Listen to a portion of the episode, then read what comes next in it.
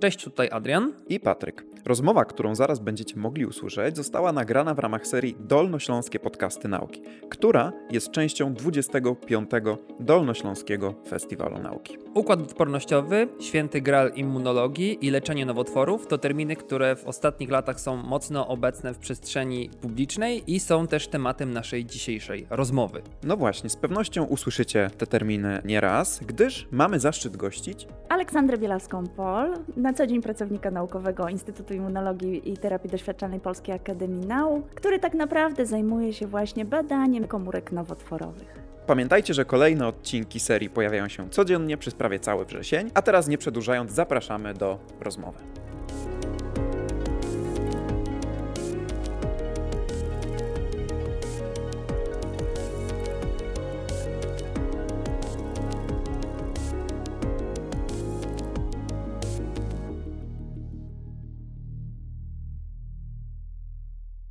Bo w Pani przypadku ta historia zaczęła się od wykładów o tych tak zwanych antynoblach, tak? Jeśli dobrze Jeszcze pamiętam. troszkę wcześniej, w 2009, bo ostatnio sprawdziłam nawet, y, zaczęliśmy właśnie od y, Festiwalu Nauki u nas, taka edycja w Instytucie Immunologii i Terapii Doświadczalnej Polskiej Akademii Nauk i to był konkurs immunologiczny. Zostałam poproszona, bo właśnie też starsze koleżanki już chciały przekazać młodszym. No i w 2009 roku padło na mnie i myśmy organizowali przez trzy pierwsze lata, to był tylko konkurs immunologiczny i tylko u nas w instytucie. Później zostałyśmy poproszone o wyjazdową edycję tego konkursu. No i jeździliśmy po całym Dolnym Śląsku. Dzieciaki były rewelacyjne. Powiem nawet, że czasem dzieciaki spoza Wrocławia były lepiej przygotowane przez ukochane ich nauczycielki biologii Wstyd. Wstyd. niż dzieciaki z Wrocławia, z łapanki. Mhm. Naprawdę siódme ELO i czternaste ELO przychodziło czasem i było gorsze odpowiedzi, gorsze odpowiedzi udzielało niż te dzieciaki z poza rejonu. Bo przez ten konkurs, ja mam rozumieć, to jest taki typowy test wiedzy, czy coś innego? Tak, tak, Okej. tak. Najpierw wszystkie dzieciaki piszą, w pierwszym etapie piszą test wiedzy, odpowiedzi są tylko jednokrotnego wyboru i później z tych dzieciaków, które przejdą do drugiego etapu, robimy przypadkowe drużyny, aczkolwiek w obrębie szkoły albo w obrębie na przykład wśród znajomych z regionu robiliśmy i naprawdę mają wiedzę lepszą niż niejeden nasz student ze studiów doktoranckich, który jest dopiero na początku drogi. A to się odbywa w formie pisemnego testu? Pierwsza część to jest pisemny test. Mhm. Pytania nie są łatwe, odpowiem od razu. Okej. A druga część jest już ustna i oni mogą odpowiadać w grupach. No i czasami tam te grupy mocno e, zastanawiają się nad pytaniami, ale naprawdę ich wiedza nas poraża. A to jest taki, na zasadzie takie teleturniej mi się awantura o kasę trochę gdzieś, e, gdzieś kojarzy. Taki to jest wspólny tak, zespół, który tak. razem debatuje? Tak, i to jest właśnie kwestia tego, że drużyna odpowiada właśnie drużynowo, czy widać jakąś rywalizację między osobami w pojedynczych drużynach? Nie. Czy już nagroda jest tak, nagroda bardziej pod drużynę już Pod drużynę, pierwszy Okej. etap to jest rywalizacja ja kontra wszyscy, a drugi Okej. etap to już jest gram z drużyną, drużyna musi wygrać. Okej, No i też- nagrody są, tak, nagrody to są zawsze jakieś bardzo fajne książki biologiczne. Staramy się, żeby to były nie za trudne, nie za łatwe, ale dzieciaki są po prostu rewelacyjne. No Mhm. i tak się zaczęła moja przygoda z festiwalem. Z łapanki naprawdę dostałam się do tego, e, do tej inicjatywy. A później dopiero właśnie były antynoble, bo byłam na wykładzie em, o Noblu i stwierdziłam, że ojej, a na koniec ten ktoś opowiedział bardzo ciekawą właśnie historię o antynoblach i myślę sobie, no to muszę zobaczyć jedną z takich inauguracji, która jest w internecie zamieszczana, no i się okazało, że to jest całkiem dobry wykład i jeszcze co roku są coraz nowsze nagrody. Tak naprawdę zaczynano od 30 osób na, na sali, a teraz to trudno bilet dostać, niestety. E, Wolałaby pani dostać, znaczy jeśli wiadomo, że najlepiej obie nagrody, są też osoby, które dostały najpierw antynobla, później Nobla. Chociaż ten antynobel jest takim felernym pojęciem, bo on się kojarzy z czymś, czymś złym, a tak naprawdę to jest taka nagroda, która jest trochę niekonwencjonalna naukowo, to znaczy to są takie pomysły oryginalne, prawda? Tak, tak. Y, Czy bym wolała dostać antynobla czy Nobla? Ja na przykład bym chciał dostać antynobla. Ja Jestem w stanie, uważa, uważam, że gdzieś tam jestem w stanie swoim nieszablonowym podejściem wpaść na coś, żeby dostać na to nagrodę. Ej, Tym bardziej, że często, gęsto tak się zdarzało, że antynoble najpierw otrzymywały, znaczy w ogóle zjawiska, nauka otrzymywała wyróżnienia w postaci antynobla, a później się okazywało, że całkiem dobre pieniądze można z tego zrobić. W związku z tym nie ma się co martwić, jak się dostaje antynobla. Tak naprawdę te badania może na pierwszy rzut oka wywrotowe, niekoniecznie potrzebne, niepotrzebne nikomu, później się okazuje, że są na wagę złota i można z nich niezłe patenty robić. Podczas gdy Nobla nie każdy chce wdrażać. No właśnie, bo to są takie pomysły często trochę bardziej medialne, bo bardziej zrozumiałe na pierwszy rzut oka dla laika, a te nagrody Nobla, jak y, czasami można przeczytać sobie, za co została przyznana Nagroda Nobla. To wypadałoby to... mieć kogoś, kto jest ekspertem przy okazji i wytłumaczy o co chodzi i czemu to jest takie ważne, prawda? A antynoble mają chyba to do siebie, że na pierwszy rzut oka wiemy przynajmniej z czym ktoś się mierzył. Tak, dokładnie. I to jest taka nagroda naprawdę bliżej ludzi, tak jak pan powiedział. Podczas gdy Nobel, no to już jest naprawdę wyróżnienie ciężkiej naukowej pracy, a tutaj w tych antynoblach ludzie czasem coś zrobią ad hoc, przeprowadzą jakieś badanie przy zupełnie, przy badaniach, które są zupełnie na serio prowadzone i nagle się okazuje, że to jest to. Jest to, to jest to, co chcieliśmy odkryć, to jest to, co nam potrzeba. I to jest też czasami takie rzeczy, jak ja czytam o tych antynoblach, to jest coś, co człowiek się tak nie zastanawia w ogóle, a potem że ktoś na to wpadł w ogóle. Już nawet abstrahując tego chyba najbardziej klasycznego przykładu tej lewitującej żaby, ale na przykład powiązanie, to jeden z ostatnich nagród, całowania z, ze statusem społecznym chyba, jeśli tak. dobrze pamiętam, tak? Albo zapach w kinie, na danym rodzaju seansu, czyli jak jest horror, to jest trochę inny zapach. To są takie rzeczy, na które no też trzeba mieć trochę, tak gdzieś coś musi przeskoczyć, żeby wpaść na to. Fantazji, czasem to jest przypadek, ale często, gęsto to są też właśnie badania, które ludzie prowadzą przy okazji tych naprawdę prowadzonych badań. Dlaczego chipsy nam smakują, bo są kruche, bo dobrze pachną, bo się łamią, a niekoniecznie dlatego, że są tylko dobre. Także to wszystko, ja mówię, to jest biologia i naprawdę bliżej nas. Mhm. Ja ostatnio, to jest jeden z moich kandydatów do Antynobla, mam nadzieję, Widziałem naukowców, którzy robili taką, nazwijmy to, oreologię. Mamy to ciasteczka Oreo i naukowcy zauważyli za każdym razem, że jak próbują te warstwy oderwać od siebie, nie ma tak, że to jest jakoś tam równo rozłożone. Zawsze ten krem jest po jednej stronie albo po drugiej. I oni zaczęli robić specjalne urządzenia do tego, żeby badać, jaka jest siła skrętu, jak szybko powinno się skręcać i czy w ogóle jest możliwe to, żeby było porówno jedna albo druga. I w ogóle to, że są przyrządy, to, że zrobili specjalne wzory matematyczne, które to opisują, to jeszcze dla mnie największe chyba zaskoczenie było to, że w ogóle umiejscowienie w pudełku nawet wpływa na to, jak to ciastko będzie jak się odrywać. będzie rozłączone. No i to jest naprawdę dobry kandydat do antynobla. Tu też e, od razu takie pytanie się szykuje, czy pani gdzieś tak e, się pojawiło coś? Bo, bo wiadomo, że te momenty eureki bywają w bardzo nieoczekiwanych momentach. E, opowiem panu bardzo fajną historię, jak to u nas w laboratorium mieliśmy kooperację z kimś, kto nam przywoził komórki, no i ten ktoś był odpowiedzialny za dostarczenie materiału biologicznego, czyli przywiezienie komórek. Komórki były przywożone, już były w postaci preparatów gotowych na szkiełkach, takich podstawowych do mikroskopu. My mieliśmy tylko zrobić barwienie i im odpowiedzieć, czy dana cząsteczka występuje na powierzchni tychże komórek, czy nie. No i barwimy pierwszy transport tychże szkiełek, ale to nie są komórki, one nie mają w ogóle jąder. Barwimy drugi transport szkiełek, nie mówiliśmy im, bo może coś żeśmy źle zrobili, no przecież procedura jest długa, żmudna. Znowu komórki nie mają jąder, no więc żeśmy do nich napisali, że przepraszamy bardzo, ale ich komórki nie mają jąder, więc to nie są komórki. Oni mówią, że to niemożliwe, bo to są komórki od pacjentów. Pacjenci żyją, mają jądra, mają wszystko. I się okazało, proszę sobie wyobrazić, że oni w ostatnim etapie, kiedy oni płukali te szkiełka, żeby do nas dostarczyć i utrwalali, to oni tak naprawdę zrywali komórki, a zostawał tylko ślad tej komórki. Obrys komórki A, był, cytoszkielet. Takie widmo zostawało. Tak, mhm. i żeśmy ojej. tylko widzieli ślad komórek bez tego jądra, więc to było wspaniałe właśnie, jak żeśmy otrzymali komórki bez jąder, bo ślad komórki był, cytoszkielet był zachowany na tymże szkiełku, ale nic poza tym. Okej, okay, na szczęście sprawa, zakładam, rozwiązała się pomyślnie, o, czyli tak, kilka maili i już do prawidłowa dostawa. Dokładnie, dokładnie. A to być może jest taka niezamierzona technika, którą można by było e, powtarzać, to znaczy mając dane komórki i to powtarzać i wtedy tworzyć takie mm, odbitki komórek? Mapy komórek, mapy komórek. Z tym, że tak naprawdę mapa komórek chyba nam niewiele powie, jednak człowiek musi widzieć jądro, bo musi to jądro to jest tak, tak jak histolodzy oglądają do oceny, czy pacjent jest zdrowy, czy niezdrowy, jaki to jest typ nowotworu, to on musi widzieć całą komórkę jednak. Ale proszę Państwa, preparaty najpiękniejsze, jakie widziałam. Piękna komórka, duch komórki, tak właściwie, fantom taki. Także gorąco polecam. Mi się zawsze z komórkami kojarzą te bardzo ładne obrazki z książek. E, zawsze jak jest pokazywana komórka zwierzęca, komórka roślinna, to one zawsze mi takie ciasteczka przypominały. Tam zawsze ściana komórkowa, aparaty Golgiego, mitochondria, cała reszta. Zawsze to, to była jedna z tych moich ulubionych e, części w biologii. One są też pięknie kolorowane. Czy w rzeczywistości one też są takie kolorowe? Czy to, czy tego, czy to jest fantazja no, mm, edukatorów? No, już wszystko zostanie zniszczone teraz. Nie, proszę Państwa, wprawne oko tak naprawdę wyszuka tych kolorów, widzi to, ale ponieważ my nie mamy tak wprawnego oka, żeby zaprezentować to szerszej publiczności, to musimy to wybarwiać i wybarwiamy jądro oddzielnie, błonę komórkową oddzielnie, a mitochondria oddzielnie, tak żeby to pięknie wyglądało tak naprawdę, bo to jest troszkę tak, jakby Państwo zobaczyli rysunek wielkiego artysty ołówkiem zrobionym, a później ten sam rysunek zrobiony nadana farbami, tak. No to jest trochę jak w kosmosie. Te zdjęcia robione przez te teleskopy są czarno-białe i dopiero później się je koloruje, żeby ukazać to piękno. Dokładnie. I to roz- Aczkolwiek te kolory nie mają nic wspólnego tak naprawdę z naturalnymi No właśnie, czyli barwami. podobnie. Skala mikro, makro nie ma znaczenia. Tak, tak, Nie. wszyscy oszukują. Wspomagamy się oszukują. tak samo.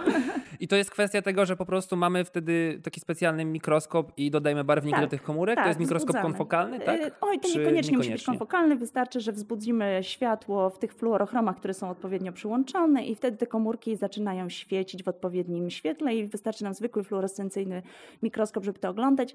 Konfokalny mikroskop też jest fajny. To naprawdę jest dobre narzędzie, z tym, że to jak chcemy już subkomórkowe e, Mhm. struktury oglądać. Jak chcemy oglądać, czy to jest komórka, jak ona wygląda, jak się tworzy taki zespół komórek, tkanka, no to wystarczy nam zwykły, widzialny mikroskop z tym fluorescencyjną nakładką, a tutaj to już są subkomórkowe struktury. I przez subkomórkowe ma Pani tutaj na myśli, że są bardzo małe rozmiary? Czy... Bardzo małe rozmiary. Okej. Jesteśmy w stanie dojrzeć, czy dana cząsteczka wnika na przykład do jądra komórki. Jak ją wybarwimy odpowiednio i zrobimy dobry preparat, to tak naprawdę możemy badać, no mówię, gdzie dana cząsteczka poszła, jaki szlak sygnałowy jest uruchamiany. To już są naprawdę no, zaglądanie, ojej, do struktur głęboko, głęboko w komórkę pojedynczą. A jesteśmy w stanie oglądać taki proces na żywo? Po prostu, czy mikroskop ma takie parametry, żeby udało się coś zobaczyć? Musimy, musimy to wszystko utrwalać. To też zależy od jakości preparatu, od jakości zjawiska. Myślę, że takie pojedyncze zjawiska, kiedy chcemy podglądać, czy dana cząsteczka wnika do komórki, czy nie, to jesteśmy w stanie na żywo zobrazować. Natomiast czy dany szlak sygnałowy, czy inny jest y, uruchamiany, to już niestety nie możemy, bo to już jest, y, musi być preparat specjalnie przygotowany, utrwalony. To A samo jest... utrwalenie to też jest sztuka, by tak utrwalić, by nie zmienić tego, co tam się dzieje. Dokładnie, albo by nie oderwać, tak jak w przypadku tych naszych Tak, żeby nam się duchów. nie zrobiła komórka widmo przez tak, przypadek. dokładnie. Chociaż przy takim utrwalaniu subkomórkowych struktur, to jedna z niedawnych nagród Nobla, może sprzed trzech lat, mikroskopia krioelektronowa, Tak. pozwala właśnie na przynajmniej bardzo dokładne zobrazowanie już wirusów, tego typu rzeczy. Widziałem chyba nawet takie bardzo ładne, znowu kolorowe e, obrazki chyba wirusa Zika. To było jedno z takich pierwszych pokazówek tak zwanych, e, do czego zdolna jest ta technika. I to chyba nawet ktoś w Polsce ma. Wydaje mi się, że Instytut Uniwer- w Krakowie. Tak. Uniwersytet Jagielloński Tak, chyba, tak? tylko ja panu powiem, przygotowanie tego preparatu to jest trzy dni pracy, Mhm. zobrazowanie to jest co najmniej jedna doba, żeby dobre zdjęcie zrobić, ustawienie tego Jedno sprzętu. dobre zdjęcie, czy Jedno- kilka dobrych No, zdjęć? kilka dobrych zdjęć, ale z tego się wybiera jedno tak naprawdę, na którym naukowiec dopiero widzi to, co chciał zobaczyć. Mhm, Także mhm. to jest bardzo metoda taka no czuła. O, z nią trzeba się pobawić, żeby tak naprawdę otrzymać to, co chcemy. Mhm. Ale to tak jest z każdą metodą. Jeżeli coś jest proste w obsłudze, to przygotowanie jest bardzo długo. A jeżeli coś jest w przygotowaniu bardzo krótkie, no to się To już sama okazuje, że sama akwizycja trwa bardzo długo i to jest święte prawo naukowca. Ja właśnie podziwiam biologów przez ten taki stopień tego skomplikowania i tej precyzji dokładności, czy to przez stężenia, czy gdzieś były takie obrazki na zasadzie bakteria w normalnym świecie. A, jestem niezniszczalna, nic mi nie zrobisz, bakteria tam w próbce. Moje pH jest o 0,01 za duże, umieram. I, i, i to też trochę przechodząc do badań, bo pani tutaj w swojej tematyce zajmuje się immunologią, czyli można by tak, czy mogę to skrócić jako nauce o odporności? To Czy- znaczy, mm, bo u nas w Instytucie Immunologii tak naprawdę zajmujemy się szeroko pojętą immunologią. Od nauki od odporności do tak naprawdę immunologii nowotworów, y, do immunologii komórek progenitorowych. To jest całe szerokie pojęcie. Produkcja szczepionek tam Mhm. też jest w tej immunologii. Wiele różnych zagadnień. I tak naprawdę moje zainteresowania naukowe to jest ciągle immunologia nowotworów, a w ostatnich czasach jeszcze nawiązałam współpracę z Politechniką Wrocławską i pracujemy tak troszkę na pograniczu tych dwóch dziedzin, bo to jest Wydział Chemiczny, który przygotował mi takie narzędzie, tak zwana zimna plazma i tą zimną plazmą próbuję właśnie redukować wzrost komórek nowotworowych, patrzeć jak to działa, czy to działa specyficznie wobec tylko komórek nowotworowych, czy niekoniecznie, czy zdrowe komórki są oszczędzane. Także to są tak naprawdę moje zainteresowania naukowe z ostatnich lat, w których aktualnie prowadzimy badania. I przez tą zimną plazmę, bo wydaje mi się, że to jest takie pojęcie które, znaczy raz, że ogólnie plazma jest, wydaje mi się szeroko rozumiana, gdzieś tam pojawia się to słowo w dyskursie, powiedzmy, bo to jest po prostu rozgrzane jony do bardzo wysokich temperatur, natomiast zimna plazma jest... Typowo do biologicznych właśnie układów, ponieważ no tak rozgrzanej plazmy tak mhm. naprawdę wygenerowanej nie mogę użyć do układów y, ludzkich, do leczenia, traktowania komórek, bo bym po prostu te komórki spaliła. Dlatego właśnie ta plazma jest jeszcze ochłodzona do temperatury 37 z kawałkiem. To jest bardzo dobra temperatura. 37 stopni. Tak, tak. To dlatego jest zimna jakieś, plazma. Potrzebujemy jakichś specjalnych aparatur do tego, bo... Mm, tak, oni tam specjalnie tworzą właśnie y, przez generatory całkiem, innie, całkiem inaczej skonstruowane, tworzą, że strumień jest zimnej plazmy atmosferycznej, czyli jeszcze to się wszystko dzieje w atmosferze specjalnej. Zimna plazma, gorący temat, wszyscy mówią, tak? Y, to już nie jest takie nowe narzędzie tak naprawdę, z tym, że coraz więcej y, takich aplikacji odkrywamy dla tego narzędzia, bo wcześniej było stosowane do leczenia trudno gojących się ran, bo po pierwsze bardzo ładnie powodowało eradykację bakterii, które uniemożliwiają gojenie się rany, a po drugie wzmagało te czynniki takie regeneracyjne w zdrowej tkance. Tak naprawdę pozwalało na szybsze wyzdrowienie, na szybsze zabliźnienie tejże rany. No ale się później okazało, że zimna plazma także specyficznie rozpoznaje komórki nowotworowe i może na nie działać skuteczniej niż na te nienowotworowe, w związku z czym na przykład leczenie nowotworów skóry może być efektywniejsze poprzez podanie zimnej plazmy, plus skojarzone z tego jakąś chemioterapię bądź standardowe protokoły.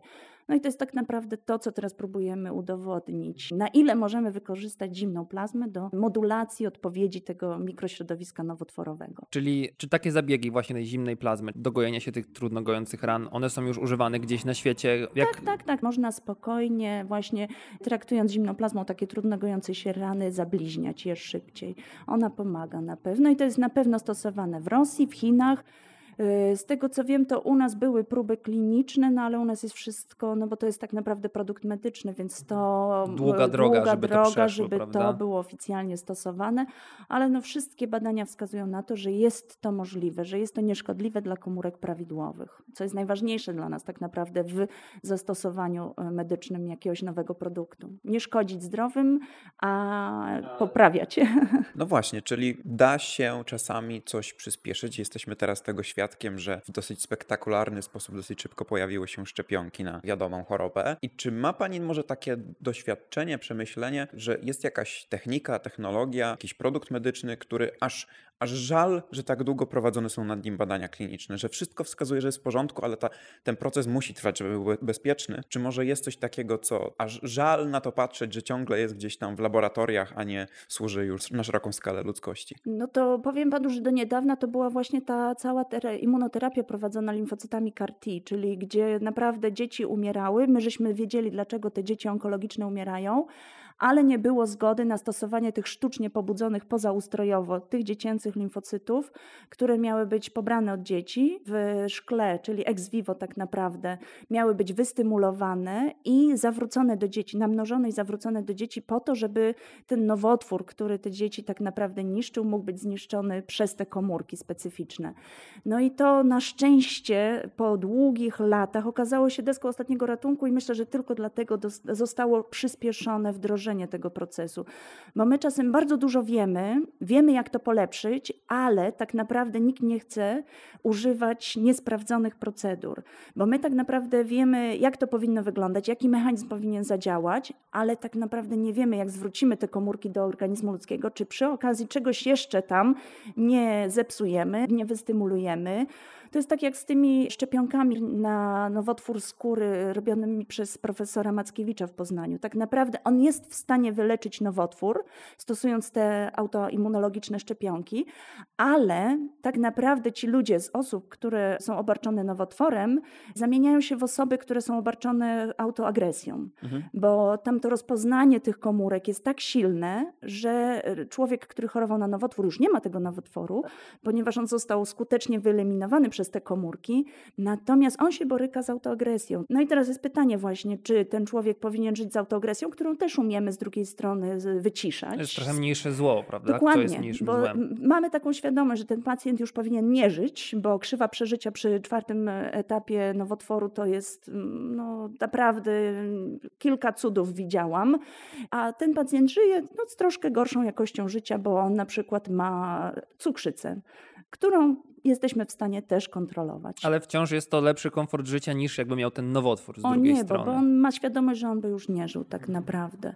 No jest też wiele kobiet, które teraz tak naprawdę po operacji piersi, po usunięciu tak naprawdę piersi z racji e, nowotworu złośliwego, też próbujemy tym kobietom pomagać, bo noszenie implantów przez te kobiety, które często, gęsto są niestety odrzucane, no nie jest dobre, więc my próbujemy też y, wdrożyć takie leczenie, że tym kobietom chętnie byśmy podawali ich własne komórki, wymieszane z komórkami stymulującymi wzrost.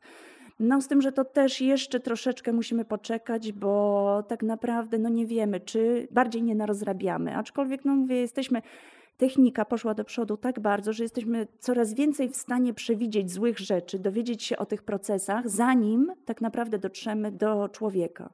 No i tutaj bardzo bym chciała apelować o to też, żeby na nas psów nie wieszano na naukowcach, kiedy my chcemy myszy e, mhm. wykorzystać bądź inne zwierzęta do badań. Tak naprawdę my bardzo wiele razy zastanawiamy się, zanim dojdziemy do zwierzęcia, eksperymentalnego modelu, to my tak naprawdę długo się zastanawiamy, optymalizujemy te procesy, ale zanim pójdziemy do człowieka, to chcemy tak naprawdę jeszcze wypróbować ten e, produkt na jakimś żywym organizmie i no niestety ta mysz laboratoryjna, ten królik laboratoryjny, owca, świnia, to są dla nas naprawdę wspaniałe modele badawcze, no i moja znajoma się śmieje, że w myślim raju nie ma dla niej miejsca, no bo ona raz w tygodniu idzie i zabija te zwierzęta e, eksperymentalne, ale proszę mi wierzyć, że jak się później pytam osoby, czy by chciała dostać produkt nieprzetestowany, który by nie był sprawdzony, zweryfikowany jego skuteczność w modelach zwierzęcych, to bardzo niewiele osób chce otrzymać taki produkt. Też wszystkie komisje etyczne dbają o to, żeby jednak te procedury były jak najlepiej przestrzegane i żeby to zwierzę no nie cierpiało tutaj chyba, myślę, powiedzieć tak, można, jak, jak najmniej. Komisje się zmieniają co chwilę. My tym zwierzętom musimy teraz nie tylko zapewnić, tak jak dawniej, jedzenie i byt, ale tam trzeba zapewnić także, proszę sobie wyobrazić, żeby te zwierzęta się nie nudziły, żeby były w odpowiedniej ilości w klatce, nie za dużo, nie za mało, żeby miały socjalne jakieś kontakty, żeby ta mysz jak najmniejszym stresem był okupowany ten eksperyment cały. My też tą mysz przyzwyczajamy do eksperymentatora. To nie jest tak, że przyjeżdża mysz z Warszawy, ja ją od razu biorę na eksperyment nie, ja najpierw mam tak zwany handling, czyli ja się z nią zaprzyjaźniam. Do ona ze mną miesiąc. obcuje. z dziećmi zapoznać. I ona musi być niestety przetrzymywana w specyficznych, sterylnych warunkach, zanim pójdzie do eksperymentu. Ale to są myszy, którymi naprawdę chodzimy się zaprzyjaźniać, rozmawiamy wręcz z nimi, bo uważam, że jak się nie rozmawia ze zwierzęciem, to od razu eksperyment jest skazany na nieudany. Czyli taka mysz tak naprawdę mo może mieć lepsze warunki bytowania niż taka mysz polna, czy, czy o, gdzieś siedząca w spiżarni, która jest... No, Jastrzębie, myślę, przed jedzeniem nie rozmawiają i, i przez miesiąc gdzieś tam nie zapewniają. Tak. A faktycznie taka mysz, która może była w niepoprawny sposób traktowana, narażona na jakiś stres, to też może mieć pewnie przełożenie na wyniki Oczywiście. badań. Czy są takie badania w ogóle właśnie, Oczywiście. bo też chciałem o to zapytać. Są, proszę Państwa, proszę sobie wyobrazić, że na przykład bardzo często badamy jakiś składnik, e, wpływ jakiegoś składnika, który jest zawarty w paszy. I okazuje się, że myszy, które są bardziej zestresowane, mniejszą podaż mają na tą paszę, w związku z czym eksperyment można tak naprawdę wyrzucić do kubła, bo się okazuje, że myszy w ogóle nie jadły ze stresu. Także naprawdę, no myszy czują, jak się przychodzi po klatkę, która ma akurat iść do uśmiercenia, to te myszy też czują. Staramy się to robić w jak najłagodniejszy sposób. No to są nasze, nasi bracia tak naprawdę mniejsi w tych doświadczeniach. My rozmawiamy od komórek, z którymi pracujemy, po pacjentów, z którymi pracujemy, no, z którymi też staramy się obchodzić jak najłagodniej, tłumaczyć im, w jakiej grupie są eksperymentalnej, po co to wszystko. No nie jest tak, że bierzemy od nich materiał i tak naprawdę żegnamy się z pacjentem. Tam lekarze, którzy z nami współpracują, naprawdę dobrze informują. To już jest o niebo lepiej niż jak ja zaczynałam, kiedy my żeśmy mogli tak naprawdę robić bardzo wiele rzeczy, nie zwracając uwagi na jakieś takie wytyczne. Teraz szereg wytycznych otrzymaliśmy. Jest oddzielna osoba odpowiedzialna za przygotowanie zwierząt, jest oddzielna osoba odpowiedzialna za uśmiercanie zwierząt, za przeprowadzenie eksperymentu. To wszystko już jest w jak najlepszych warunkach robione, tak naprawdę. A czy takie zwierzęta można też wziąć tak po prostu do domu? Na ten... Nie chodzi mi tutaj nawet o pracowników laboratoryjnych tak typowo, można. bo gdzieś słyszałem o takich akcjach, tylko nie, nie za dużo. Stąd zastanawiam się, czy to jest na zasadzie jakiś naukowiec na nielegalu tam nie, po prostu pod fartuchem nie. przemyci. Kiedyś czy... to było nielegalne w tym momencie komisja etyczna pyta, co będzie na przykład ze zdrowymi myszami z kontroli, które były traktowane yy, nieszkodliwymi substancjami, no i można taką mysz zaadoptować. Można ją po prostu przyjąć jako, jako swojego współmieszkańca i często, gęsto my naukowcy to robimy. Mhm. A właśnie, to nie może być mysz, która jest gdzieś tam poddana jakiejś Dokładnie, terapii. żadnym, żadnym terapiom nie może być. To na przykład mogła być mysz, która otrzymywała tylko y, wodę zwykłą do picia, bądź miała podaż paszy zwykłej, niemodyfikowanej. No i taka mysz pod koniec eksperymentu to jest całkiem zdrowa mysz, bardzo dobrze się czująca, nie widzimy potrzeby. Może być po pierwsze użyta w innym eksperymencie, co też się często zdarza, jako grupa dalej kontrolna, bądź y, właśnie w tym momencie może być użyta na narządy tak zwane, czyli możemy otrzymać z niej wszystkie narządy, ale równie dobrze może udać się z nami do domu za przyzwoleniem. Czyli na przykładzie nawet podejścia do samych myszy widać, jak nauka i jej pewne rozwiązania ściśle i ciągle ewoluują. W ramach tych rozmów, które właśnie nagrywamy, chcemy też uczcić to, że mamy 25. Dolnośląski Festiwal Nauki i, i chcielibyśmy właśnie zobaczyć i pokazać, jak przez te 25 ostatnich lat ta nauka się rozwijała i czy właśnie w immunologii było coś, co można byłoby nazwać świętym gralem, gdzie połowa immunologów czymś się zajmowała, dążyła do tego, by daną e, technologię e, rozwiązać i czy to faktycznie zostało spełnione, albo gdzieś jeszcze jesteśmy. To część pewnie pewnych rozwiązań padła, ale być może jest coś, co, co faktycznie spędza sens powiek większości immunologów. To tak naprawdę dla mojej dziedziny, dla immunologii nowotworów, to był ten Nobel sprzed bodajże trzech lat już teraz, przed pandemii, gdzie naukowcy wykazali tak naprawdę, jak komórki nowotworowe hamują nasz układ odpornościowy no to było epokowe odkrycie, bo my żeśmy ciągle nie rozumieli, dlaczego nasz układ odpornościowy, który całe życie działa bez zarzutu, nagle zostaje z automatu wyłączony przez komórki nowotworowe.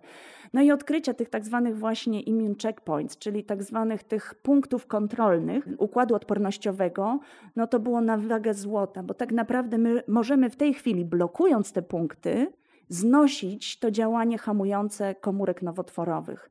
Możemy nasz układ odpornościowy z powrotem nauczyć, wyedukować, on tak naprawdę my go z powrotem e, przywracamy do działania, hamując te tak zwane checkpointy, czyli przeciwdziałać komórkom nowotworowym, bo naprawdę długo nie wiedzieliśmy, jakim cudem ten nowotwór wyłącza naszą odporność. Mhm. A teraz wiemy wszystko i tak naprawdę możemy to spokojnie modulować i to jest dla nas naprawdę święty gral, bo to wiele mechanizmów wyjaśniło.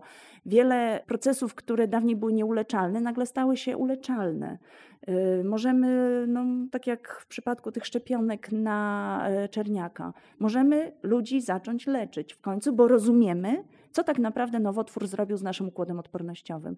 Czyli my jesteśmy, my zawsze jesteśmy o krok za komórkami nowotworowymi, bo w, co my się już nauczymy, co on robi i znajdziemy na to lekarstwo, sposób, mechanizm, to on już jest o dwa kroki do przodu, tak jak teraz te komórki macierzyste nowotworowe spędzają naukowcom z mojej dziedziny sens powiek, bo tak naprawdę to jest jeszcze ostatnia rzecz, której nie umiemy e, w komórkach nowotworowych zwalczyć, czyli te tak rezerwuar tych komórek nowotworowych, bo już umiemy zwalczyć dorosły nowotwór, już umiemy wyłączyć jego zahamowanie, ale jeszcze nie umiemy pozbyć się tych komórek progenitorowych nowotworowych, które powodują bardzo często wznowę nowotworu. Po 20 latach, po 4 miesiącach, to różnie bywa, w zależności od złośliwości, od ilości tychże komórek.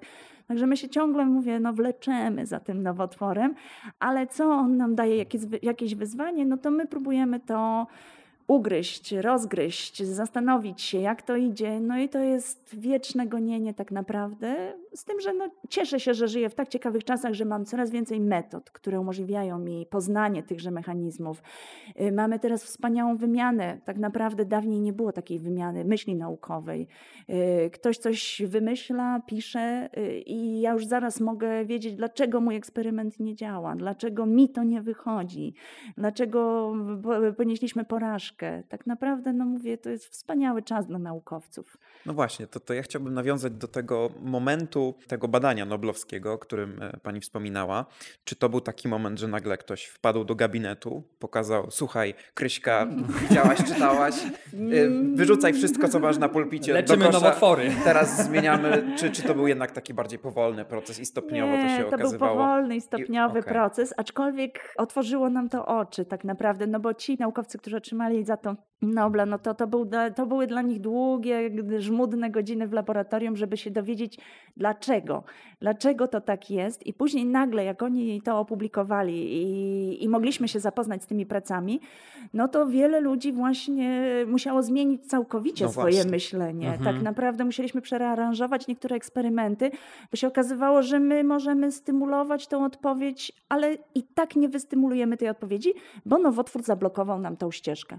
I wystarczy dodać przeciwciało monoklonalne, które zablokuje tą ścieżkę i my mamy piękną nagle odpowiedź. Nasze komórki z powrotem zabierają się do walki. Tak Nowotwory naprawdę. go nienawidzą, możemy zacytować tutaj ten dokładnie, słynny Dokładnie, dokładnie tak. To faktycznie to jest coś, co dosyć rzadkie zjawisko w nauce, że pojawia się jedno odkrycie, które trochę tak wywraca stół, można powiedzieć. Ten, ten, ten taki trochę mityczny lek na raka, można powiedzieć, gdzieś. Dokładnie który... tak. My żeśmy nagle zrozumieli, jak można uleczyć raka, stosując nasze własne komórki, reaktywując, pobudzając je z powrotem. Czyli bo naprawdę nie ma lepszego sposobu na leczenie nowotworu niż nasz własny układ odpornościowy. Proszę zobaczyć, jak on pięknie działa. My całe życie jesteśmy zdrowi, bez zarzutu działający układ odpornościowy jest na wagę złota tak naprawdę. A e, to ja mam takie dwa pytania. Po pierwsze, tutaj trochę nawiązując do tego, co mówił Patryk. Jak długo, jeśli pani wie, trwały te badania właśnie, które doprowadziły do tego odkrycia? Ja wiem, że to jest gdzieś tam seria ciągów, badanie po badaniu, ale taka faktyczna ścieżka typu, czy naukowcy stwierdzili, że ok, mamy pewien koncept i chcemy go sprawdzić, to ile czasu mniej więcej minęło, do czego doszli do tego wyniku, za którego dostali Nobla i też, bo ja tutaj nie mam tej informacji, jak długo ten Nobel został dany po tym odkryciu? Czy to była kwestia roku, dwóch, pięciu lat? Jak to wygląda? Bo czasami się zdarza, że Noble dostają osoby po 20-30 latach. Tutaj wydaje mi się, że raczej jest to krócej, ale ale warto sobie gdzieś tam to e, powiedzieć, wydaje Nie, mi się. Nie, tutaj ten Nobel to był naprawdę przełomowy i może najpierw odpowiem na to pierwsze pytanie, gdzieś około pięciu lat. Pierwsze prace, które podejrzewały, że to będzie szło tymi szlakami, a nie tamtymi i że trzeba te szlaki badać, trzeba te szlaki blokować, trzeba te szlaki e, rozpoznawać i patrzeć, czy to coś da, to myślę, że gdzieś pięć lat. Później była publikacja i od tej publikacji to było dwa lata i już był Nobel, bo to naprawdę było wielkie odkrycie. No, no świat naukowy stanął na głowie, że tak powiem. To tak naprawdę cały czas mówimy o tym też, jak cenny jest zdrowy układ odpornościowy, jak go modulować, jak nim sterować, a tak naprawdę co się za tym kryje? To znaczy, moje pytanie brzmi, czym jest odporność tak, tak, naprawdę? Ja się tutaj mogę wtrącić, bo to jest pytanie, które ja sobie czasami zadaję. I ja, ja lubię grać w gry i dla mnie ważne są parametry typu ten miecz ma siły 8, ten ma siły 10. I właśnie na zasadzie ja sobie to potrafię co do siły. Typu jestem silnym człowiekiem, mogę podnieść 100 kilo na przykład. W mojej definicji to jest, to jest siła, ja, ja wtedy byłbym silny. A jak to się ma do odporności? Czy jest coś na zasadzie ilość danych komórek, danego typu? Bo to jest taki termin, który jest powszechnie przyjęty, ale wydaje mi się, że trochę mało ludzi ludzi wie o co chodzi, tak podskórnie czujemy. Typu, jak są reklamy leków albo suplementów, to mówi się zjedz banana, a on zwiększy twoją odporność. Czyli, czyli co on zrobi? Czyli czy, da się... czy to jest wartość mierzalna? Tak. Czy możemy iść do lekarza i pan doktor powie wspaniale odporność 10, bo pacjent przed miał odporność 3. Czy my jesteśmy w stanie, bo o co chodzi z tą odpornością tak naprawdę? Już Państwu mówię, bo tak naprawdę dopóki jesteśmy zdrowi, to odporność jest super. I chodzi o to, żeby układ odpornościowy pozostawał w takim balansie. Nie działał ani za mocno, kiedy nie potrzebujemy, bo jak działa za mocno, to rodzi się autoagresja. Więc nie warto mieć na przykład układ odpornościowy mocy 10 na okay. 10. Nie warto też mieć układu odpornościowego na poziomie 1. Mieć wartości 1, bo wówczas tak naprawdę będziemy każdy kontakt z patogenem odchorowywali. Więc naprawdę najważniejsze w odporności jest ten złoty balans. Kiedy jesteśmy zdrowi, to nasz układ odpornościowy, kiedy trzeba działa, kiedy nie trzeba jest wyłączany. I to jest ilość, jakieś I odpowiednio działające receptory, komórki? I to jest to ilość wygląda? komórek tak naprawdę, bo niestety z wiekiem ta ilość komórek ulega niestety wykruszeniu. Tak? Nasz organizm się starzeje, nasz organizm jest w coraz gorszej kondycji, te komórki są w coraz gorszej kondycji. Te komórki już są też zmęczone, one już są styrane, one już miały za sobą kilkanaście, kilkadziesiąt kontaktów z patogenem, już kilka razy zostały zużyte. Także tak naprawdę warto mieć taki balans. Żeby układ działał prawidłowo, to nie może być albo za mocno wystymulowany, albo za słabo wystymulowany. I no, ten złoty balans oznacza, że jesteśmy zdrowi. Jak tylko ten balans zostaje zaburzony, to z automatu mamy albo autoagresję, albo mamy przewlekłe jakieś choroby. Więc tak naprawdę no, tutaj złoty środek jest idealnym rozwiązaniem. No i to są komórki, to jest zdrowa dieta, to jest wysypianie się. Okazało się, że tak naprawdę na jakość naszego organizmu, na jakość naszych komórek, które stają do walki, ma wpływ i dieta, i to, e, jak, jak odpoczywamy mamy brak stresu oczywiście, bo komórki nie lubią stresu, organizm nie lubi stresu. No i to z jakim garniturem przychodzimy, bo niektórzy niestety na dzień dobry mają ten garnitur lekko naruszony. To są e, dzieci alergików, mają alergię. Niestety przychodzą już troszeczkę e, z bagażem tych nieprawidłowych działań układu odpornościowego. Ale mówię, no złoty środek jest tutaj idealny. No i jesteśmy zdrowi, to znaczy, że wszystko działa bez zarzutu. Ja mam jeszcze takie pytanie właśnie a propos tego wpływania. Tak jak są suplementy, leki, które mówią, że wspomagają naszą odporność, czyli one w jakiś sposób modulują ilość tych komórek, czy w jaki sposób ma to działać i przede wszystkim czy działa? Czy to nie jest takie powiedzenie dla powiedzenia trochę? Więc tutaj naukowcy też się spierają, czy echinacea jest dobra na tę odporność, czy nie. I coraz częściej uważa się, że to na pewno nie szkodzi, Natomiast badań, czy to naprawdę działa, nikt nie chce przeprowadzać, proszę sobie wyobrażać, bo trzeba by brać e, zdrowych ludzi, zakażać, tak? No, może być ciężko. E, I wtedy patrzeć, czy ta echinacea pomaga, czy nie. Ale prawdą jest też na pewno to, co mówiły nasze babcie, że no zdrowe prowadzenie i echinacea na pewno nikomu nie zaszkodziła, czy pomogła. Tego nie wie nikt tak mhm. naprawdę, aczkolwiek są podejrzenia, że istnieją takie szlaki, które ta echinacea może wystymulowywać. Myślę, że zamiast brania, nie wiem, garści tabletek, to lepiej jednak się pójść i wyspać, bo to na pewno działa na komórki I naszego będzie lepszy, organizmu. I więcej energii tak, będzie. Tak. No ja mam takie wrażenie ostatnio i przeświadczenie, że często pada jakieś sformułowanie najczęściej w reklamach, że dana substancja, dany preparat leczy albo pomaga, albo sprawia, że coś będzie się działo lepiej w naszym organizmie. I mam wrażenie, że to jest podawane na przykładzie, gdy ktoś ma brak jakiegoś mikroelementu, jakiś niedobór w substancji, to wtedy faktycznie to działa. Tak, Ale to gdy nasz problem leży w czymś zupełnie innym, to zażycie danego preparatu tak naprawdę nic nie zmieni. Mimo, że można powiedzieć, że ono leczy, bo ono leczy osoby, które mają niedobór. Niedobór magnezu można spokojnie uzupełnić magnezem ekstra dodawanym z mhm. zewnątrz, tak? Natomiast nie wiem, czy brany magnez by uleczył migreny. No właśnie, a można powiedzieć, że magnez leczy, bo gdy ktoś nie ma magnezu, to faktycznie wtedy będzie uleczony. To to jest coś, co, co faktycznie pada w reklamach. A jeśli chodzi o, o to, co pani wspominała, to znaczy, że nasze komórki układu odpornościowego mo mogą się zmęczyć, e, mogą już mieć dosyć pracy mm, e, dla nas. To czy faktycznie w nich jest coś takiego jak czy w nich może być zapisany przepis tak naprawdę na wieczne życie albo jego ograniczenie? To znaczy, czy te komórki układu odpornościowego mają w sobie zapisane, że popracuję maksymalnie 150 lat. I emerytura. To jest tyle, ile jestem w stanie dać i, i, i więcej już nie pomogę. Czy tam właśnie mamy gdzieś nasz taki hamulec, nasz e, coś, co jest takim najwyższym pułapem, jeśli chodzi o, o naszą długowieczność? To znaczy, te komórki na szczęście są odnawialne, więc my nie jesteśmy mm, tak stworzeni, że jak raz przeszliśmy infekcję, to wszystkie komórki zostały zniszczone i nie mamy w ogóle już czym walczyć. Więc one są odnawialne, z tym, że ten potencjał odnawialny, on się starzeje razem z nami. I tak naprawdę można niestety też mieć e, znaczący potencjał do, do prawidłowych komórek, do dobrego ich działania, do ich długowieczności, a zginąć w wypadku samochodowym, tak? I też nie ma przepisu na długie życie. A drugie osoby będą miały potencjał znacznie niższy prawidłowego działania tychże komórek, a będą długo żyły, bo będą o siebie dbały, bo będą dbały o tą jakość komórek, wiedząc, że mają ją mocno nadwątloną, tak? Dbając o siebie, dbamy o nasz układ odpornościowy. I na sam koniec, bo myślę, że możemy powoli zmierzać w tym kierunku, chcieliśmy zawsze z Patrykiem zadawać to pytanie, czy w ciągu tych ostatnich 25 lat, jako że gdzieś tam celebrujemy sobie to ćwierćwiecza nauki tutaj na Dolnym Śląsku, jest jakieś wydarzenie, cytat, książka, cokolwiek, co uważa Pani, że wpłynęło jakoś mocno na, na życie, na twórczość, czy to na popularyzację nauki, czy po prostu na, na samą naukę jako Może pracę w jakiś naukową. sposób panią to zainspirowało do, tak, do danej kariery? Tak, albo... jedna praca naukowa, która, o, to jest super temat, ja się teraz tym będę zajmował. O, to tego typu. Czy jest coś, co pani przychodzi do głowy? No to chyba ta zimna plazma, która mi była dana całkiem przez przypadek tak naprawdę.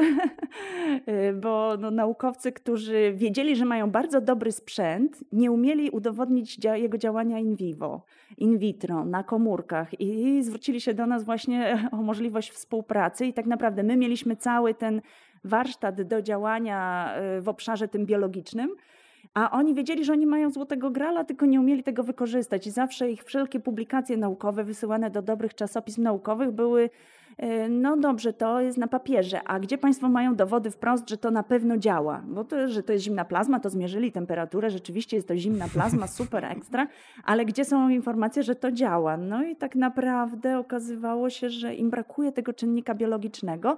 Do nas się zwrócono z prośbą o pomoc, no i z tego się zrobiła bardzo fajna współpraca. Tak naprawdę okazało się, że można bardzo wiele rzeczy modulować tą zimną plazmą.